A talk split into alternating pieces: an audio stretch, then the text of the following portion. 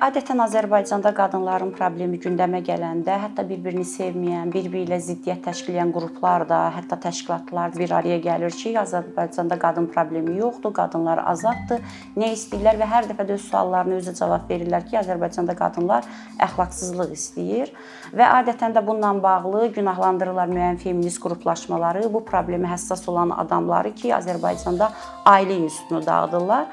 Əslində bu ailə institutu deyil, 1000 illik ənənəyə sahib olan kişilərin dominantlığı ilə qadınlar üzərində qurduğu hakimiyyəti dağıtmağa yönəlmiş bir sistem olduğuna görə onlar müəyyən mənada özlərinin hakimiyyətini qorumağa çalışırlar.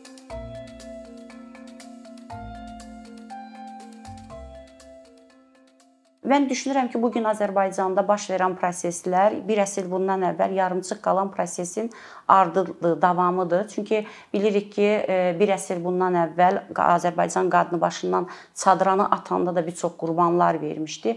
Baxmayaraq Sovet dövründə qadınlar oxudu, təhsil aldı, amma beyinlərinin içində olan həm kişilərin qadına yanaşması, həm də müəyyən mənada qadınların özü özünə formalaşdırılmış o zorakı bir yanaşmanı ata bilməmişdilər. Və bugünkü proses əslində təkcə zahiri çadranın yox, düşüncənin e, çadrasının atılması prosesidir və bu gün o qurbanlar ki var, əslində biz həm də onları o öldürülən, linç olunan qadınları həm də bu prosesin qəhrəmanı kimi dəyərləndirməliyik. E, Azərbaycanda ən böyük problemlərdən biri zorakılığa məruz qalan qadının özünə sual verməsi ilə üzləşdiyi anda ortaya çıxır. Nəyə görə? Çünki qadın ilk olaraq o sualı özünə verir. Mən hara gedəcəm, nə edəcəm? Burada artıq sığınacaqların vacibiyyəti önə keçir. Çünki qadın bu suala cavab tapmayanda o zorakı ilə birlikdə yaşamağa məhkum qalır. Bir çoxları deyirlər, biz bir çox кейslərdə görürük ki, ittiham edirlər ki, niyə qaldı? Çünki o ata evinə qayıdanda da e, ona eyni sual verilir. Sən getdiyin, e, gəldiyin yerə, daha doğrusu ona deyilir ki, sən gəldiyin yerə qayıdacaqsan, oradan kəfənlə çıxacaqsan. Biz tutaq ki, son dövrlərdə Sabirabadda intihar edən bir qızın keysində eyni şeyi gördük. Son dövrlər ölüm faktlarında bu şeyləri gördük. Demək ki, dövlət o qadınları sığınacaqlarla öz himayəsinə götürdüksə bu qadınlar daha cəsarətli ola bilərlər və onların üzünə qapı bağlanmasına ehtiyac qalmaz. Azərbaycanda isə təəssüf ki, sığınacaq məsələsi nə dövlət səviyyəsində, nə bu məsələlərə həssas yanaşan insanlar səviyyəsində həll olunmayıb. Nəyə görə? Çünki birincisi bunu e, bir insanın, bir fərdin bəlkə də öhdəsinə düşə biləcək bir iş deyil. Çünki çox böyük resurs tələb edən bir işdir. Azərbaycanda cəmi 3 qadın sığınacağı var. Bu qadın sığınacaqlarından biri yaxında açılıb, e, dövlət nəzdində açılıb.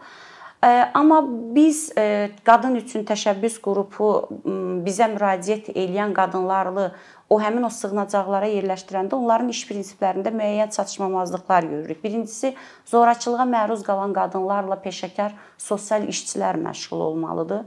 Digər tərəfdən psixoloji reabilitasiya keçməlidirlər, hansı ki, bu ən əskik yanıdır. Üçüncü, hüquqi yardımın verilməsi. Bütün bunlar yarımçıq həyata keçirilir. Təbii ki, bunun e, müəyyən mənada labüd yanları da var, çünki təcrübə yoxdur, ənənə yoxdur. Demək ki, biz e, maraqlı olsaq amma o təcrübələri öyrənmək elə də çətin deyil deyə düşünürəm. E, bax bu baxımdan e, sığınacaqlar çox vacibdir, amma sual olunur. Biz sığınacaqların sayını artırdıqda qadınların üzləşdiyi problemləri tamamilə həll edə biləcəyikmi? Məncə yox. Hər nə qədər düşünsək ki, sığınacaqlar çox vacibdir ki, vacibdir, amma bir qadın bir sığınacaqda düşünün ən uzağı 6 ay qala bilər. Bundan sonra nə olacaq? Çünki o qadın indiyə qədər birinə möhtac şəkildə böyüdülüb və özünün ayaq üstə durmaq şansı yoxdur. Hələ-hələ düşünsək ki, iş yeri tapmaq çox çətindir. Bunun bir qadın üçün nə qədər çətin olduğunu özümüz təsəvvür eləyə bilərik. Bu baxımdan biz düşündük ki, Azərbaycanda bir qadın icmasının formalaşdırılması vacibdir. Təbii ki, qadın icmasının formalaşdırılması həddən artıq böyük bir resurs tələb eləyir, maddi, xüsusən maddi bir resurs tələb eləyir, amma biz düşündük ki, buna bir keçid kimi qadınların dayanışmasını formalaşdırmaq olar, hansı ki, bu gələcəkdə qadın icmasının formalaşmasının ilkin addımları, rüşeymləri sayıla bilər. Bu nədən ibarətdir? Biz düşünürük ki, Tutaq ki, zorakılığa məruz qalan qadınlar bir araya gəlib birlikdə dirənməlidirlər. İşləyərkən biz nəyə rast gəlirik? E, məsələn, uşaqları olan qadınlarla işləmək, onların reabilitasiyası daha çətin gedir. Nəyə görə? Çünki onun artıq özündən kənarda bir məsuliyyəti var, uşaq məsuliyyəti. Bu baxımdan nə etmək olar deyə biz düşündük və belə bir qərara gəldik ki, qadınların dayanışmasının formatını necə tapmaq olar? Məsələn, 3 qadındır. Bunlar bir kirayəyə çıxa bilərlər. İkisi işləyə bilər. Biri ilə evi keçindirib, biri ilə həyatını keçindirə bilər o bir nəfər isə uşaqlara baxa bilər və bu həm o qadınların bu sürəci daha asan atlatmasına səbəb ola bilər ki, onların birlikdə olması, paylaşması, bir-birinin psixologiyasını, yaralarını sağaltması baxımından, çünki onlar bir-birinin dilindən çox gözəl anlayırlar. Sonuçta nə qədər fərqli hekayələr olsa da bu hekayələri birləşdirən ümumi süjet xətti var, zorakılığa məruz qalmaq. E, digər tərəfdən onların uşaqlarının bir arada olması, onların sağalması, reabilitasiyasını sürətləndirə bilər. Amma biz e, qadınlarla işləyərkən e, mən bir qədər əvvəl qeyd etdim, uşaqlı qadınların e, demək reabilitasiyası məsələsi. Azərbaycanda ümumiyyətlə psixoloji xidmət məsələsinə, psixoloji terapiyaların alınması ilə bağlı ön yarğılar mövcuddur və cəmiyyətdə bu ənənələr oturmayıb. Eyni zamanda biz tutaq ki, zorakılığa məruz qalan qadınlarla işləyərkən də müəyyən stereotiplərlə qarşı-qarşıya qalırıq. Düzdür, çox xoşdur ki, tutaq ki, bu gün 90 qadından çox böyük hissəsi artıq psixoloji e, terapiyalar almağa razılıq verib. Amma onların uşaqları, çünki bu uşaqlar e, daha artıq yaralar alırlar Biz düşündük ki, ikinci tutaq ki, hissə kimi nə etmək olar? Bu uşaqların cəmiyyətə sağlam qazandırılması üçün. Çünki bilirsiniz, bu zorakılıq çəmbəri müəyyən mənada bir halqadır və həmişə e, hərəkətdədir, canlıdır. Nəyə görə? Çünki zorakılıq görən özü də zorakılıq göstərməyə meyil olacaq. Çünki onun psixologiyası artıq buna köklənib, bilirsiniz. Biz düşündük ki, bax bu uşaqlar üçün bir mərkəz açmaq olar. Bu həm uşaqlı anaların rahatlığı üçün, onun iş tapması, öz ayaq üstə durması baxımından o sürəcdə ona kömək ola bilər. Həm də o uşaqların bircə bir arada olması, birlikdə terapiyalar görməsi, birlikdə oyunlar oynaması, birlikdə hər hansı bir xarici dili öyrənməsi baxımından belə bir mərkəzin yaradılması düşünürük ki, çox vacib bir şərtdir. Və yəqin ki, biz e, qadın üçün təşəbbüs qrupu bu ideyaların həyata keçirilməsində başa düşürük, çox çətindir, xüsusən maddi resurslar baxımından. Amma düşünürük ki, e, ideyaların olması həm də onun ətrafında müəyyən bir e, maddi, mənəvi, psixoloji bir nə bilim durumların yaranması baxımından çox vacibdir ki, əsas ideyadır, yəni. İdeya varsa onu həyata keçirmək yəqin ki, o qədər çətin olmayacaq.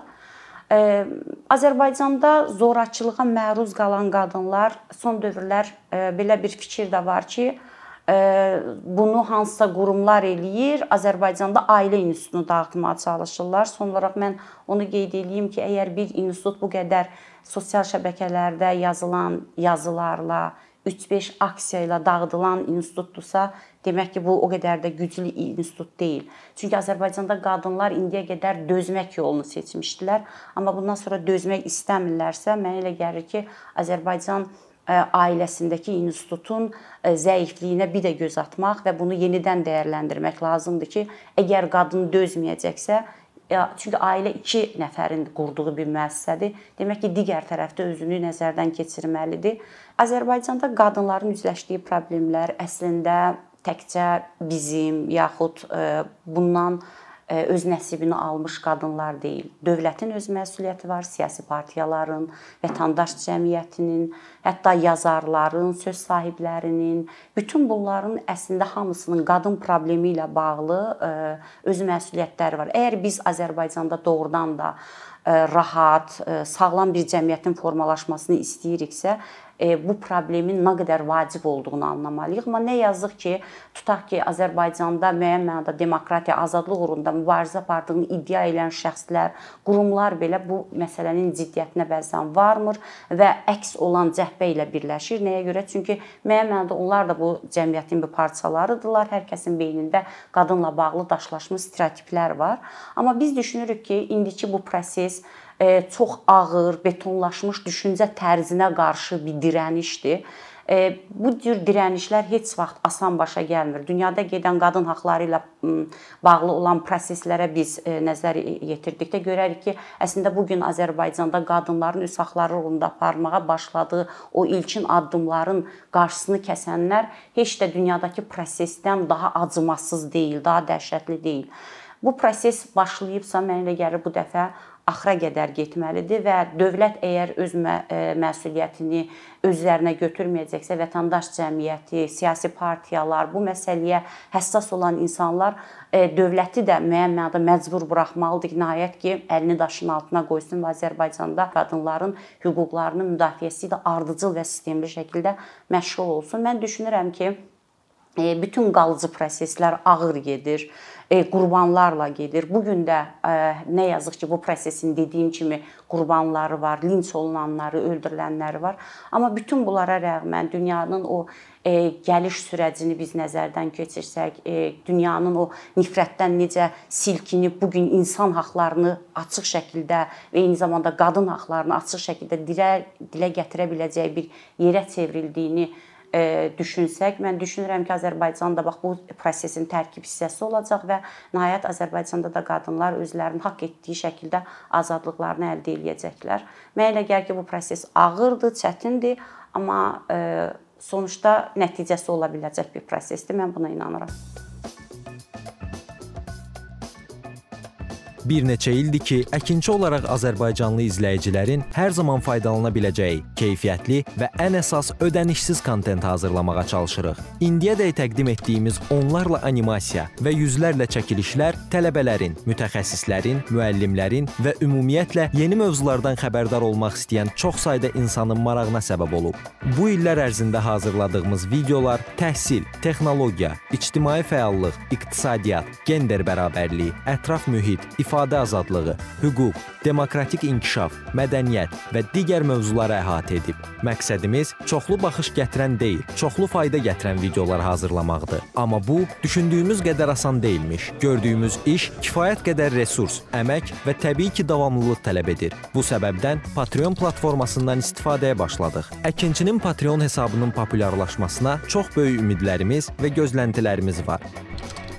Bəziləriniz Patreon haqqında ilk dəfə eşidirsiniz. Əslində çox sadə izahı olan bir platformadır. Təsəvvür edin ki, siz rəssam və ya musiqiçisiniz. Sosial şəbəkələrdə sizi izləyən, işinizi bəyənən çox sayda insan var. Patreon platforması sizə imkan verir ki, izləyicilərinizin könüllü aylıq ödənişləri sayəsində işinizi davam etdirəsiniz. Sərgi, konsert zallarından asılı qalmayasınız. Amma bu təkcə rəssam və musiqiçilərə aid deyil. Məsələn, əkinçiyə bənzər fəaliyyətlə məşğul olan bəzi layihələrin 10 minlərlə minlərlə patronu var. Biz də düşündük ki, nə üçün əkinçinin Patreon hesabı olmasın? Sizin dəstəyiniz sayəsində biz daha çox və daha keyfiyyətli kontent yaratmağa davam edə biləcəyik. Amma bu dəstək yalnız maddi dəstək deyil. Dəstəkçilərimizin sayının artması gördüyümüz işlərin faydalı olduğuna dair əminlik verir. Patreon platformasından istifadə çox sadədir. Hesabınızı açırsınız, sizə uyğun dəstək növünü seçirsiniz və Patreon özü hər ayın ilk günü kartınızdan seçdiyiniz dəstək növünə uyğun ödəniş tutur. Bu qədər. Sonda onu demək istəyirik ki, dəstəkçilərin sırasına qoşulmaq istəyən, amma məhdud imkana görə bunu edə bilməyənlər narahat olmasın. Daha öncə dediyimiz kimi, bizim əsas məqsədimiz daha çox insanın hər zaman faydalana biləcəyi keyfiyyətli və ödənişsiz kontentin yaradılmasıdır. Bunun üçün mütləq patronumuz olmalısınız deyə məcburiyyət yoxdur. Amma imkanınız patron olmağa çatırsa və bizim işimizi bəyənirsinizsə, patronlarımızın sırasına qoşulmağınız bizim üçün çox önəmlidir.